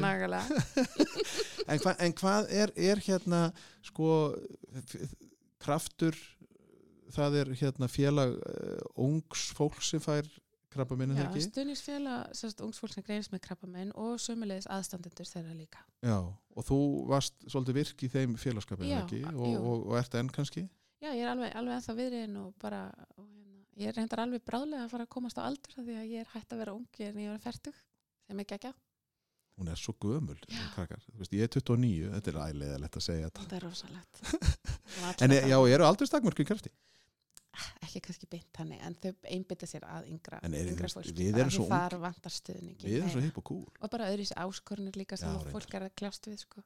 Bara þegar maður er komin úr þessu formulega, úr barnig, þá bara einhvern veginn Já. breytast uh, en, áskorunum. en er, er hérna þau eru alltaf, þau eru bara í að, að sapna styrkjum og svoleiðis Nei, þau eru líka með, sko, alveg geggja stuðningsnett uh, sem að hægt er að leita til ef maður, hérna, vantar bara ráðgjöf þá fær maður að hitta bara eitthvað sem hefur farið í gegnum ferli sjálfur og þekkir þetta allt á eigin skinni og getur bara svolítið deilt þessum reynslu heimi með manni. En, en er, þetta er, ég er að meina sko, þau eru, að, þau eru engungu, þetta er svona sjálfbóðlega starf en það þarf náttúrulega peninga Jú, jú, svoleiðis, þannig að þau, fá, þau eru duglega að sapna og, og, og náttúrulega miða við þessa sögu þína þá finnst mér alveg kjörið að fólk bara rífi upp eskið og, og hendi þúsukalli á eða eitthvað bara til þess að, að styðja því þetta er, þetta er náttúrulega hérna þessi saga þín er náttúrulega bara ótrúleg þetta er bara, þú veist, stundum finnst mér eins og í dag, þú veist, nú, nú, nú er árið hvað, 2019, Já, það eru sjö ár síðan ég fór þetta Reykjavíkum marathon þá í ágúst. En mér finnst ekkit eins og ég hafi fengið krabba minn og mér finnst ekkit að ég hafi gert þetta allt. Mér finnst einhver önnur útgafa að mér hafi gert þetta allt sko. og svo fyndi hvernig þetta verður svo einhvern veginn í hugamanns en það er þessi, held ég, bara einhvern veginn heilin tekur yfir og, og hólfar hlutina fyrir mann þannig að þeir séu sko size upp á maður ná að þrauka í gegnum, gegnum viss ferli. Já. En, en fannst þér þú endur fæðast eða þú veist, eitthvað, eða svona, gerðist eitthvað? Ég meina, ég man eftir þú talaðir við töluðum saman tíðan og þá varstu komin í eða, þú veist, það hefur eitthvað lagast lungunni Jú, jú, og bara hægt og rólega. hægt og rólega er búið að lagast Ég og þú, ekki þú með súrefniskutin lengur og já, svona. og þú, þú náttúrulega varst komin í einhverja vinnu og þú veist, átti samt, þú veist, þetta var uh, þú mættist fljótt uh, samt sem áður og svona, þú veist, þú þurfti náttúrulega samhliða því að, að, læra Já, en samt er þetta sko svona lúnaskerðing er eitthvað sem að maður getur ekki þjálfað upp og æft upp þrek, sko, það er bara einhvern veginn líka minn lækna sér sjálfur og Já. bara einhvern veginn og það er aðlagast bara þannig það er, aðlaga sér bara þannig að stóru veðvarnir fá ekki það súrefni sem þau þurfa og annars líkt sko, þannig bara já, líka minn er bara eitthvað svo magnaður að hann bara gerir alls konar hluti til þess að líf og þrývart sko. Já. Þannig að, að þetta er bara, þú veist, enn eitt svona challenge eða einhver áskorun sem að þú bara, þú veist, Já, og já, þú klára, algjörlega. var þetta svona vendipunktur að fara í Reykjavíkumarathoni? þetta var lokan ykkur og svo bara eftir það hófst svona ykkur uppbygging. Þar, þarna gerist bara eitthvað svona eitthvað svona, eitthvað viðsnöningur þarna hugsa ég bara, ok, ef ég get þetta þá get ég farið að vinna. Ef ég get þetta þá get ég farið að gera þetta. Þú veist, einhvern veginn, Reykjavík marathonu var eitthvað svona viðmið bara, Ég, þetta er sko, bara náttúrulega og, og svona já, líka í þessu innra, innra tali sem maður á í sjálfan sig sko, að bara hvað ert að væla getur ekki gert þetta, þú gæst farið 10 km þá gerir þetta bara hægar. Bara ferði þetta, þetta er ekkert mál. Bara hólfa þetta, hérna, búta þetta niður þannig að þú getur gert þetta. Þannig hvað er alltaf að byrja, þannig að ég byrja til að mynda aftur að vinna í 15% vinnu. Það er náttúrulega, hugsaði hvað líka sko 15% vinna er betur en ekki neitt. Já, ég meina þú veist, það er bara þetta snýst um virkni sko, en svo er það líka að meðan að maður er á þessu hundaveðu og stuðið einhvern veginn að reyna að hérna, ég, er er alveg vissin sko, ef ég ekki, væri ekki svona rík af bara sterkri fjölskyldu, þú veist, við erum öll ótrúlega náin í fjölskyldunum minni. Og við erum öll einhvern veginn að eðlisfari ótrúlega jákvæð og, og hérna og tökust á hlutina í saminningu að hérna, og, og ég er sko, vini mínir eru þú veist, þú fæðist inn í eina fjölskyldu og svo velur þeirra aðra fjölskyldu sem eru mm. viniðinir og og þarna reyndir rosa mikið á þau og, og hérna þau komu ótrúlega sterkinn og hvattu mig áfram og, og stuttu mig og allt þetta. Og ef að það hefði ekki verið sko þá, þá hefði ég bara fest í ykkur í kerfi því það er svo auðvelt það er svo auðvelt að gefast upp. Það er Já. eiginlega það auðveldasta sem maður getur gert það er bara einhvern veginn að gefast upp fyrir aðstæðum sínum. Já, og svo náttúrulega ef að, ef að stóra kerfið er ekki að, veita þér stuðn eða að íta þér þannig að þú náir að það var nú bara síðast í, eða var verið að tala um í fréttum að fólk er bara fast í ykkur sem að það losnar ekki úr. Og það er bara alveg satt sko. Já, það, og það bara, maður þarf að hafa ótrúlega mikið fyrir því að, að hérna, bara bæði að fá, fá þau réttindi sem maður á mm, og hefur unni fyrir sömuleiðis að reyna að taka örurkustimpilin af sér þegar að hérna, maður hefur tök á. Ef Mm. maður verður svo heppin að hafa tök á því já, það er ekki allir svo heppnir. Nei, nei. En er, er, er hérna 15% vinna varð svo að hvað, 30 25% já, vinnu og, og, og, svo var það 50% vinnu og núna er ég bara á fullu í vinnu. Bara og vinnu og skóla og er að hérna, taka upp þráðin aftur varandi þetta meistaranám sem ég lagði upp með hana í miðjum veikindum hana, En þú, þú byrjaði, svo við tökum það nú þú fóst nú aftur til Samfél sem er samtök félagsmyndstóð í Íslandi. einmitt. Og það er nú svolítið svona hérna líka svona annað, þriðja, fjórða, fymta heimilit eða ekki, þú veist þetta við erum öll samfísarar náttúrulega, það er svona þannig sko. Og, hver, og hvernig var það að fara sko, var þetta ekki svolítið svona líka smá bensín á tankin Jú, sko, ég, ég, ég byrja að vinna í raun að veru aftur út í seli. Þar svona fæ ég tækifæri til að fara bara á gamla slóðir í net, svona neti sem að ég þekkti. Og það var, uh, ég er rosa þakklátt fyrir það, að Mhm. hafa fengið það tækifæri. Byrja einhvern veginn á örugum stað. Uh, áður en að ég er byrjuð hann að vinna, þá er mitt tekið upp þetta origami dæmi allt saman og, og, hérna, og var að vinna við það eh, eða vinna, bara var að stýtta mig stundi við það Mhm. meðan ég var ekki að vinna og búa til alveg ótrúlega fallega hluti já, svona, já, eitthvað svona bara að reyna að skapa já. Og, og, og búa eitthvað til og, og, það bara líka var eitthvað svona þjóðsaga í Japan sem að uh, segi það sko að þú gerir 1000 pappirs trönur eða svona origami fugla þá færðu eina ósk uppfyllta. Og ég fekk mín uppfyllt allavega. Ég er allavega ennþá hérna. Já. Og Æ, hvað þetta, þetta, þetta er þetta, það er alveg ótrúlegt hvernig svona þessi austur sko Asíufræði eru. Mm að, að, við erum einhvern veginn svo við erum svo skrítinstundum svo heillast maður svo af svona litlu hlutum. Einfallleikin einfall, þetta er, þetta er rosalega falleg einmitt.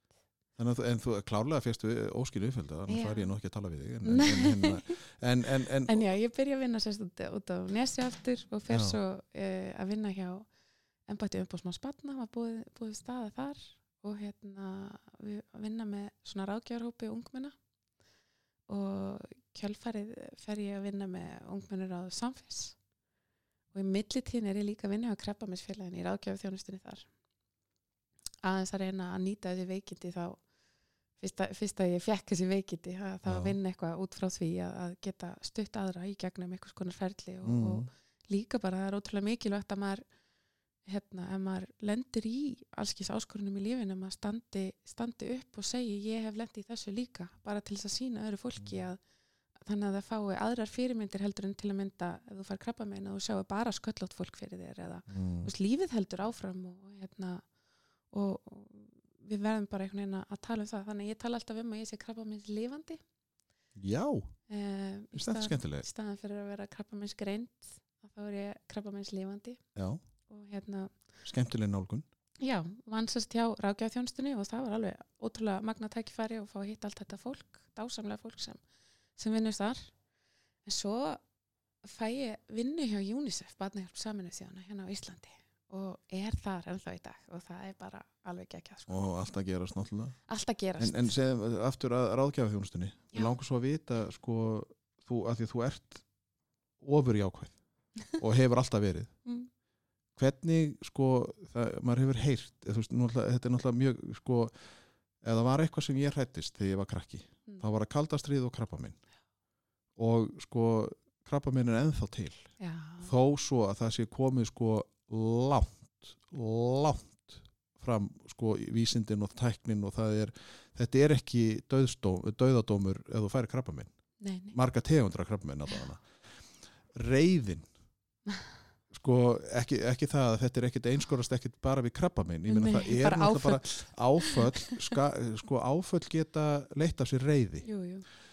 sko mannst þú eftir að hafa reyðst Já, svona af hverju ég eða svo, veist, hver, sko fóst eða náður að, að einhvern veginn að bræða það? Já, ég held að það hafi bara verið bara, veist, bara og, og verður alltaf, þú veist vinna, að sætta sig við e, breyta framtíða sín já, Nú átti ég eins og þið hafi heyrt mig tala um ömmu mína, ömmu Nillu. Ég átti hana sem ótrúlega góða vinkonu mínu lífi og ég ætlaði alltaf að vera mamma og ég ætlaði alltaf að vera nillama. já, En ég verð það aldrei. Þannig að reyðin kemur upp öru hvoru að sjálfsögðu. já, En það er bara hluta sorgaferlinu. já, Og maður verður bara að leifa sér þá að, hérna, syrkja það sem ekki verður.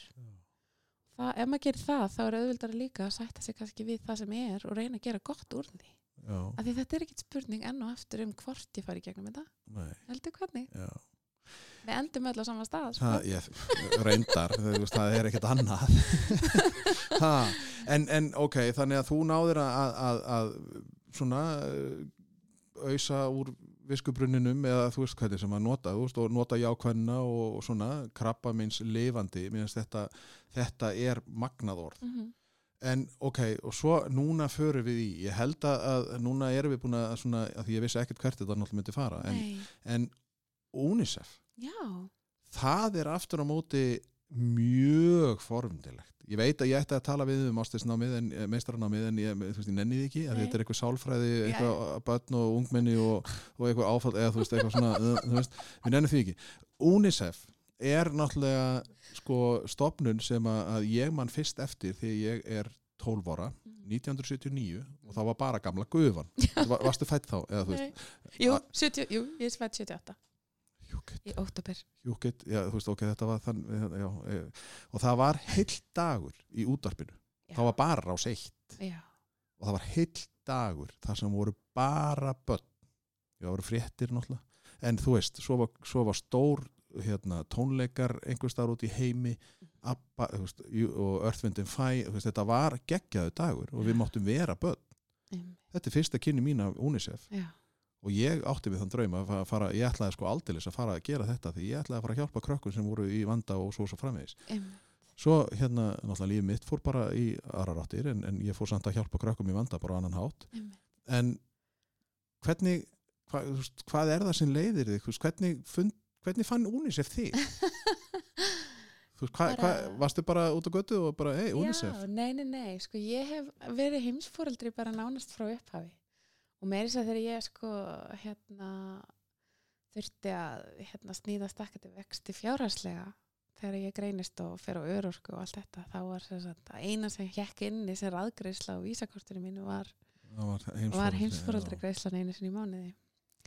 Og eins og ég sagði líka fyrir viðtalinu er að ég ætlaði mér alltaf að vinna sem túlkur hjá saminu mm, þannig að ég var alltaf með eitthvað svona sínum að ég er að vinna hjá okkur svona alltjóða vá, batteríu sko. Já, en það, það hendur í raun og veru bara þannig að, hérna, lífið sér um að leysa sér sjálft og leiðir aðila einhvern veginn saman og, og, og galdrar ykkur, ykkur töfrar gerast og, og hérna ég var búin að vinna eitthvað aðeins með UNICEF uh, í hérna í gegnum vinnuna mína hjá embætti umbúrsmáns barna og, einhvern veginn bara þróast það yfir í að ég færi mig þanga yfir. Ok, og hvað er það sem þú ert svona, semst, hver, hverju sinnuru hjá þeim, eða svona hvað er eða er það, þú veist hver, í hverju byrjar í og í hverju stíta er þetta, er þetta búið að þróast eða ég var nú að tala við hérna steininni, Gíðu og Guðbjörnsdóttur minni mig, ég vona að ég fari mér rétt hérna föðunafnið en við vorum að tala um, þú veist, ég fór inn og náði húfuna hjá, hérna ég kefti fokka ábyldu húfuna og sko því líka sartínur í dós ég var bara, uh, þetta er sko stopnun saminu þjóðana og þetta er bara í, þau er í kompu. Já, já. Veist, það snýst ekki til skrifstofuna sko. Nei, ég veit það en ég, veist, það er nú kannski hægt að vera veist, ég held að svín hafi meiri sko, olbúarími heldur en þið En bursi frá því, þá bara vinnur gott fólk með eldsál, það vinnur bara í þeim aðstæðum sem eru út af því það er að vinna fyrir eitthvað málstað og málstaðurinn er til að mynda í mínu tilfelli er að vinna uh, að bættum hafa fyrir börn alls þar í heiminum, bæði, bæði, bæði Erlendis og líka hérna á Íslandi. Og er það þá barnasáttmáli, Sameinuðu- Já, barnasáttmáli saminu þjóðan er náttúrulega bara hryggsúlan í öll okkar starfi og það bara snýst um það að börn fái heilbriðsjónustöð, þau fái mentun og þau þurfi ekki að verða fyrir ofbeldi og að, að þau fái bara stuðningi gegnum, gegnum þetta skeið að vera barn frá 0 til 18 ára.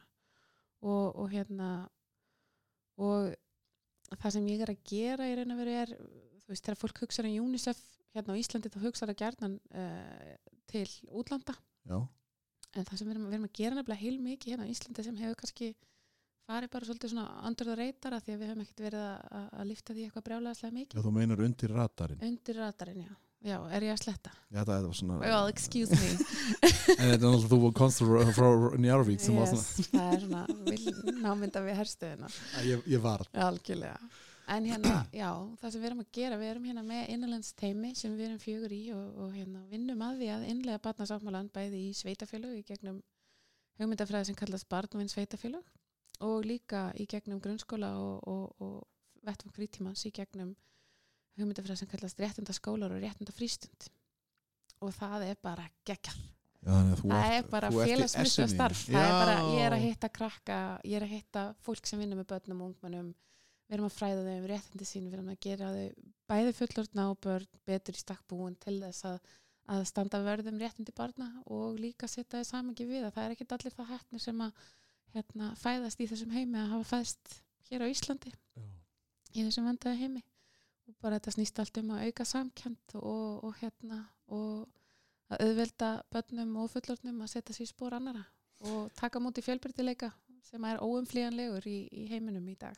En, en, en þegar þú sko er rétt muna hjá mér að við á Íslandi, við innleitum hann ekki, er, sko, hann, hann er ekki tekin, hann er ekki innleitur eða sérst hann er ekki settur í lög Jú, sem sagt Ísland er eitt af fáum ríkjum sem sagt uh, samþykir, Ísland samþykir barnaþáttmálun 92 og svo lögfestir hann 2013. en vissuðu hvað þið var að gera þegar þið Ég held lögfesta ekki.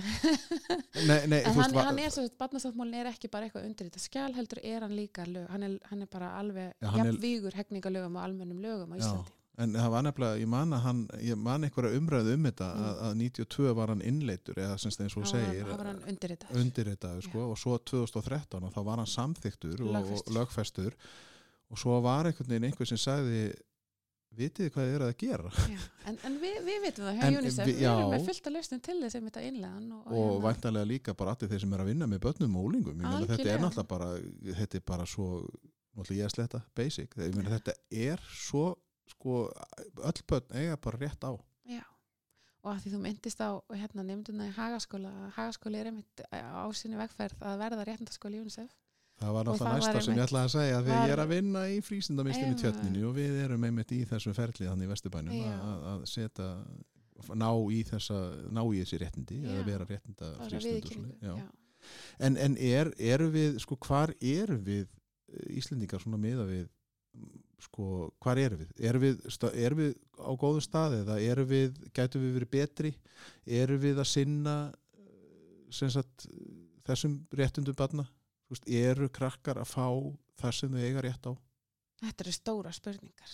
Og þá er alltaf bara, þú veist, eru, eru að fara að bera okkur saman við önnulönd eða viljum við bera okkur saman við okkur sjálf bara síðastliðin áratug? ég vil helst ekki vera í samaburði við önnulönd af því að ef, það. ef það er eitthvað sem ég þól ekki þá er það bara að því að við erum bara 300.000 Ég veit það. og við erum bara í veruleika sem að er bara oft á tíðum allt, allt annar heldur en hjá mörgum öðrum Algjörlega. En það sem ég upplifu núna í gegnum mína vinnu og bara þessa fyrir reynslu sem við höfum farið yfir svo sem hérna í viðtalinu er að, að, við erum að finna núna, sérstaklega síðastliðin tvö ár er, er eitthvað svona er ekki, við þurfum ekki lengur svo mikið að vera að tala um endilega barnasáttmálan sem eitthvað þing heldur er bara er, erum við að fara sko uppskýra eins og við búum að vera að sá í gegnum áratugina Já, í bara allir þessari mannréttindabaratu og jafnréttisbaratu sem búin að eiga sér stað í samfélaginu okkar. Og, og hérna við erum núna komið félags- og barnamálar á þeirra við erum komið með uh, stýrihóp sem á að hlúa velferð barna ræðumálefni sem snúa börnum og ungmennum. Við erum komið ungmennar á heimsmarkmeðana sem heyrir undir fósættisraðanetið við erum komið með sko, þú veist þannig að það er svo margt búið að breytast á ótrúlega skömmum tíma. Þó við sem ekki, þó sé langt síðan að við hérna lögfestum sáttmálan þá finnst mér eins og við séum núna útrúlega reyðubúin gagvart stjórnsýslunni að innlegan mjög markvist mm. og, og hérna, nú er ekki lengur ég veit ekki það kallast ekki, ég get eiginlega ekki sagt að núna sé meðbyr, núna er eiginlega bara rók, já, það já, er já, bara stormur það, það er bara að fullt að breytast, já, þetta er ekki lengur ég held að einhverju breytingar séu framöndan þær eru þarna og þær eru að gerast akkurat núna og það er og sveitafélagin er að taka við sér það er bara komið langu listi já. sem að hérna, sveitafélag vilja fá bara þessa vottun frá, frá hérna UNICEF og vilja fara bara með handliðslu í gegnum hugmyndafræði batnvarna sveitafélag og sömulegis hérna réttundaskóla og réttundafrístund UNICEF af því það bara felst svo mikil stuðningur í því líka bara að þessi gert eftir einhverjum stöðlum ekki bara einhvern veginn. Og hérna og, og það er bara ótrúlega gaman að, að, hérna, að vinna þessa vinnu. Og hún byggir í raun að veru allt sem ég geri byggir í raun að veru á reynslu minni af vettvangi frítímas vettvangi frítímas er einmitt bara svona algjör grasúta starf í að hérna efla þáttöku barna og virkja rattir og virkja þáttöku og leita eftir þeim sem eru á jæðrinum og virkja þau inn og mannréttindi náttúrulega Mm. snúast um alla en, en þau ná sjaldnast til jæðarins veist, Mm. og það er þetta leitastarf nú erum við bara að leita eftir þessum hópum barna sem að þurfa að fá aukinn stuðning innan kerfisins og allt þetta og, og bara, þetta er svona aðeins önnur vitt en þetta er, þetta er byggt á þessum vettvangi frítímas þessum grunni og, það er bara eitthvað svona tafrar að gerast. Já. En, en segðu mér ann, svona, nú er ég að sitja og horfa á því og þú alveg, sko, við erum að tala um eld, þetta er ekkert smá, hún lýsir upp, þetta er bara, nú er sko, það er allt að gerast hérna. Segðu mér, þegar þú horfið tilbaka, litla nilla, já, í njárvíkunum já, og svo, sko, sem þorði ekki að flytja út á seltjarnanes já, og svo litla nilla í dag, ef hún væri til, já, sko, hvað, hvað sérðu munin á þessu tvennu, þú veist, hvað, sko, við náttúrulega upplifum, eins og þú seg, sagði þið sjálf áðan, þú veist, það var ekkert sjónvarp á 50 og það var ekki sjónvarp í júli og það, veist, þetta var svona undarlegir tímar, Já. því að, sko, þetta væri alveg óhugsandi í dag, það myndi allir setja okkur bara bak við lás og slá ef við myndum segja, þú veist, já, nei, nú slökkum við á sjónvarpinu í mánuð, þú veist, sko, hvað er það, sko, hvað, hvað, hefur, hefur breyst? Hvað hefur breyst frá því að við vorum krakkar? Og hvað hefur breyst í þá átt í þá veru að við þurfum barnasáttmála? Hvena var hann settur á laggirnar hjá UNICEF sko uppálega 89 89, hvað Já. er það sem gerir það verkum að UNICEF þarf og sér sig knúið til að búa til barnasátt. Já, ertu þá að tala um bara svona veist, hún er mjög löng og áratuga já, vinna já, nei, meina, já, þú veist, ég meina það, já, auðvitað vitu, það er alltaf, alltaf einhver ástæða, sko, en Já, ég meina, ég er svona að reyna að sjá, sko, þú veist, aðstæð, sko, að því að við, það er nú ekki eins og við höfum liðið skort, sko, í okkar, en ég meina, kannski höfum við, auðvitað var þetta á þeim tíma, þá var alltaf einhver annar sem vissi betur hvað okkur væri holdt. Já, ég meina, Og- ég get rifja gerðan upp, ég meina, þegar ég byrja að vinna í félagsmyndstöð, þá, hérna, var rosalega mikið verið að tala um ungmenna liðræði og, og úlinga liðræði og þá var eitthvað svona, já, hörðu, félagsmyndstöð þarf með þetta sjá að það þarf að mála hennan vekk, við skulum leifa krakkanum að velja hvaða lit. Já.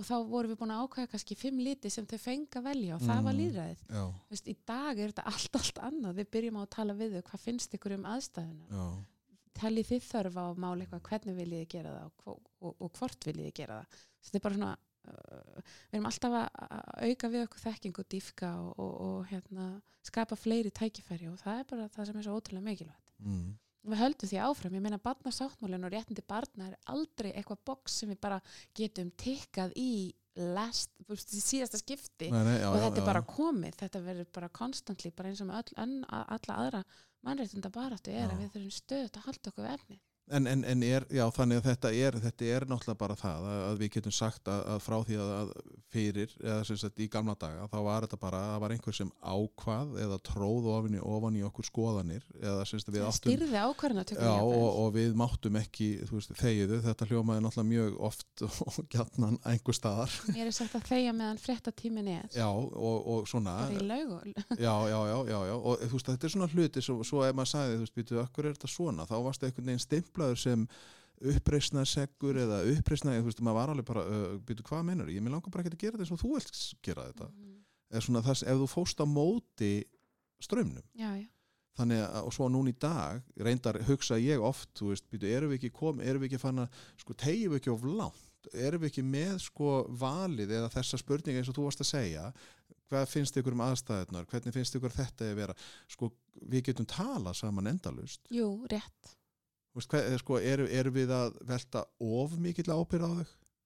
það er náttúrulega alveg og það fyrir kannski stundum, ef ég hugsa til að mynda um eitthvað svona loftslagsmál og, og, og eitthvað svona þá finnst mér bara, já, unga fólki þau búið við lausnunum, þau þurfa að finna út þessu. Mér finnst við oft vera kannski reyna að yfirfara vandan að lausnin á vandanum yfir á unga fólkið.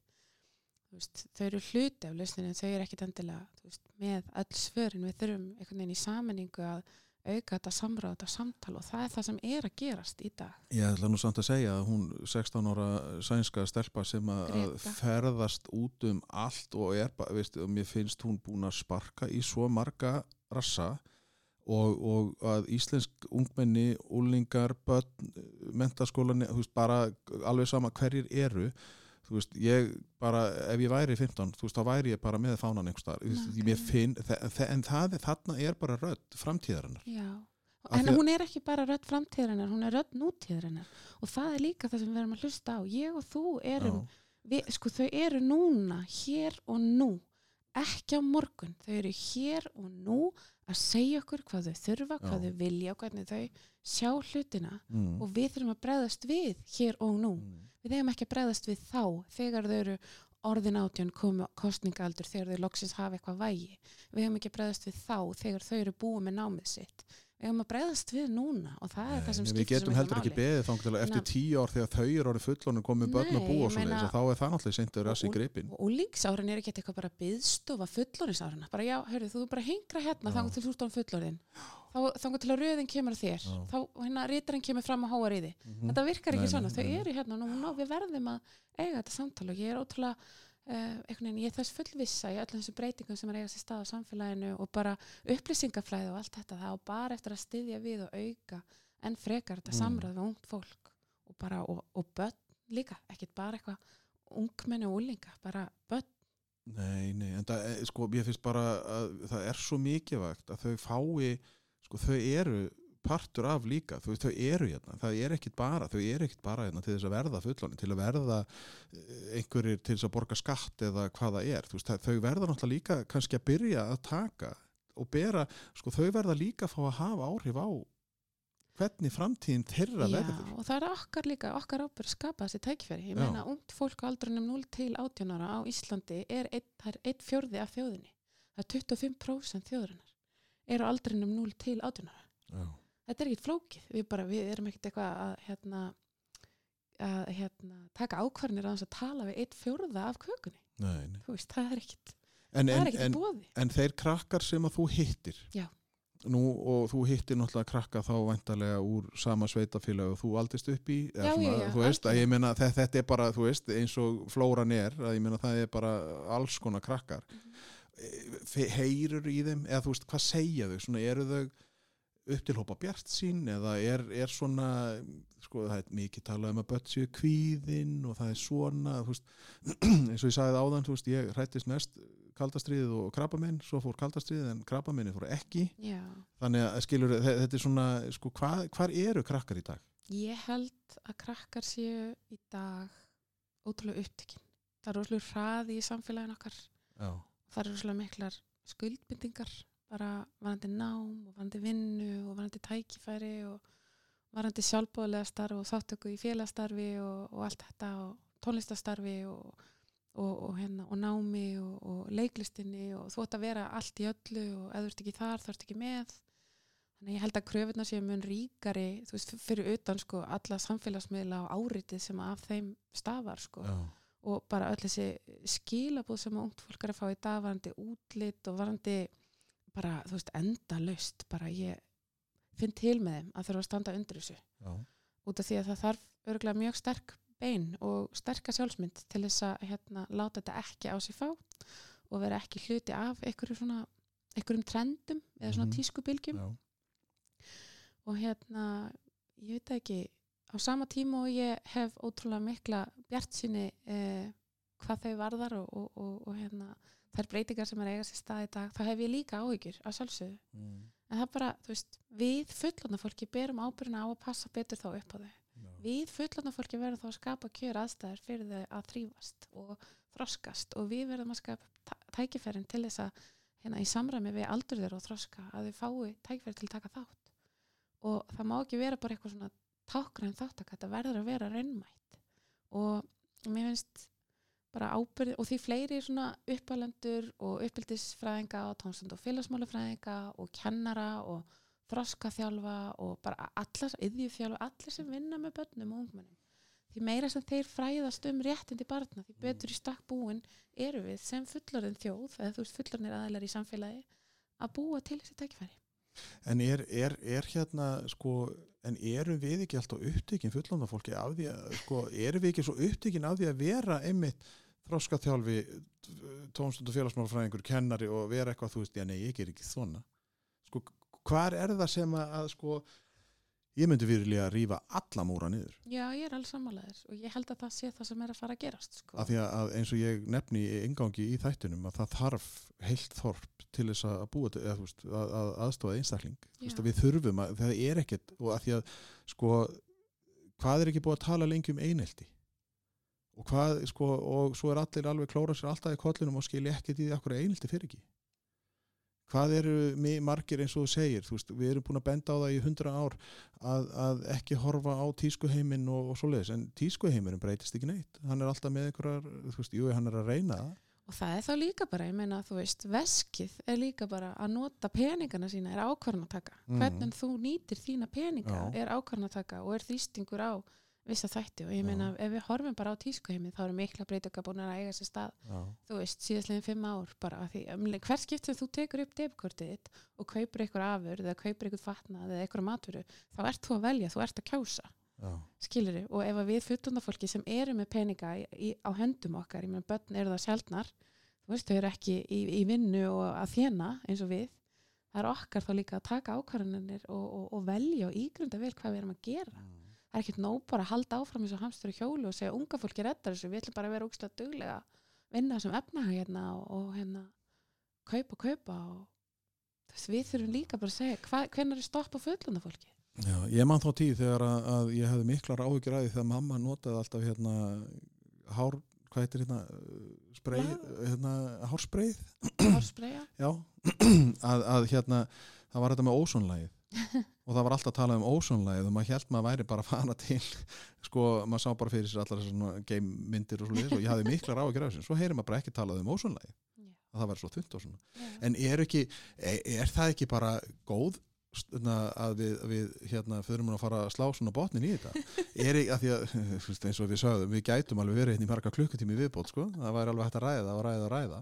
En, en sko það sem að ég dyrka við krakka og úlinga það er sköpunargleðin. Ah. ég er búin að vera í þessum geira náttúrulega í, í 100 ár. Uh, ég er búin að snerta sko vera með þeim í skrekk. Ég er búin að vera með þeim í, á samfés uh, vettvangi samfés, samtaka félagsmyndstöð á Íslandi í, í mörg ár. Uh, og, og hvað þau eru sko bara það, þegar þau byrja að skapa þegar þau byrja að, að sko pæli hlutunum og setja spurningamerki og maður horfir á þau og segir oh, hverju hugsaði ég þetta ekki? Sko hvað, hvað það er sko, sko krafturinn? Það er samt ótrúlega kraftur. Þeir eru bara ótrúlega mögnu og einmitt hugsa út fyrir kassan og eru svo dásamlega sjálflæg og eru eitthvað svo ótrúlega kjörkuð og huguð og láta sér gossa út í alls konar uh, af því þau eru ekki endilega með alla þessa filtera sem við fáum þegar við erum einmitt orðin fullorinn veist, þessi félagslega mótun sem á sér stað og ég held að, að hérna, allt svona félagsmyndstastarf og allt sem gerist á vettfangi frítíma sér einmitt bara svona kjörulendi fyrir ungt fólk til að þreyfa sig áfram og öðlast þessa lífsleikni og færni í samskiptu sem til þarf til að þrýfast sko, og fungera á meðal annara í samfélagi og meðal líka í samfélagi sem er stöðut að breytast Já. og ég er bara tónlistarnám veist, þetta, þetta, þetta er endalust og þetta er bara ég hérna sko ég er að reyna að bara sko, þú veist, ég er svo núna nákvæmlega, ég, þú veist, heilin á mér hann er bara á miljón og ég er bara ennþá, þú veist, þessi dagur 1979, þetta er, þú veist, ég á ennþá plötuna, sko, Já, þú veist, þetta, þetta var magnað að við tilheyra einhverju svona alheimsdæmi og að eiga rödd. Það er náttúrulega bara ótrúlegt.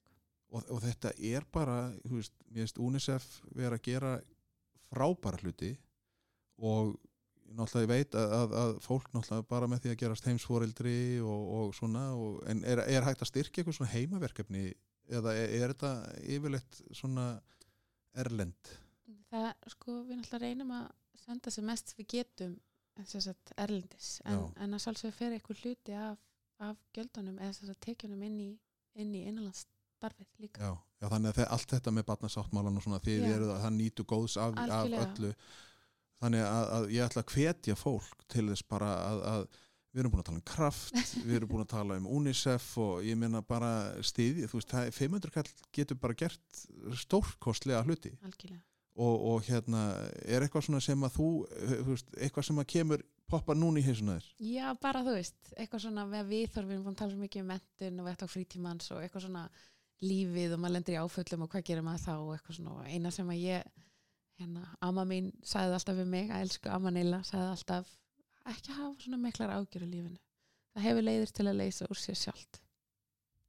Ég hefði elskað þessu ömmuðina hún er, þetta hefur verið geggjuð kona og Alveg geggjuð manneskja. Veistu það, ég er svo ánægð með að hafa sko, náð að koma þér inn í, í, í þetta viðtala því að þetta er, er búið að vera þrautinni þingri að, að, svona, þetta er búið að taka nokkuð tíma að, að þú ert brjálað að gera hjá þér.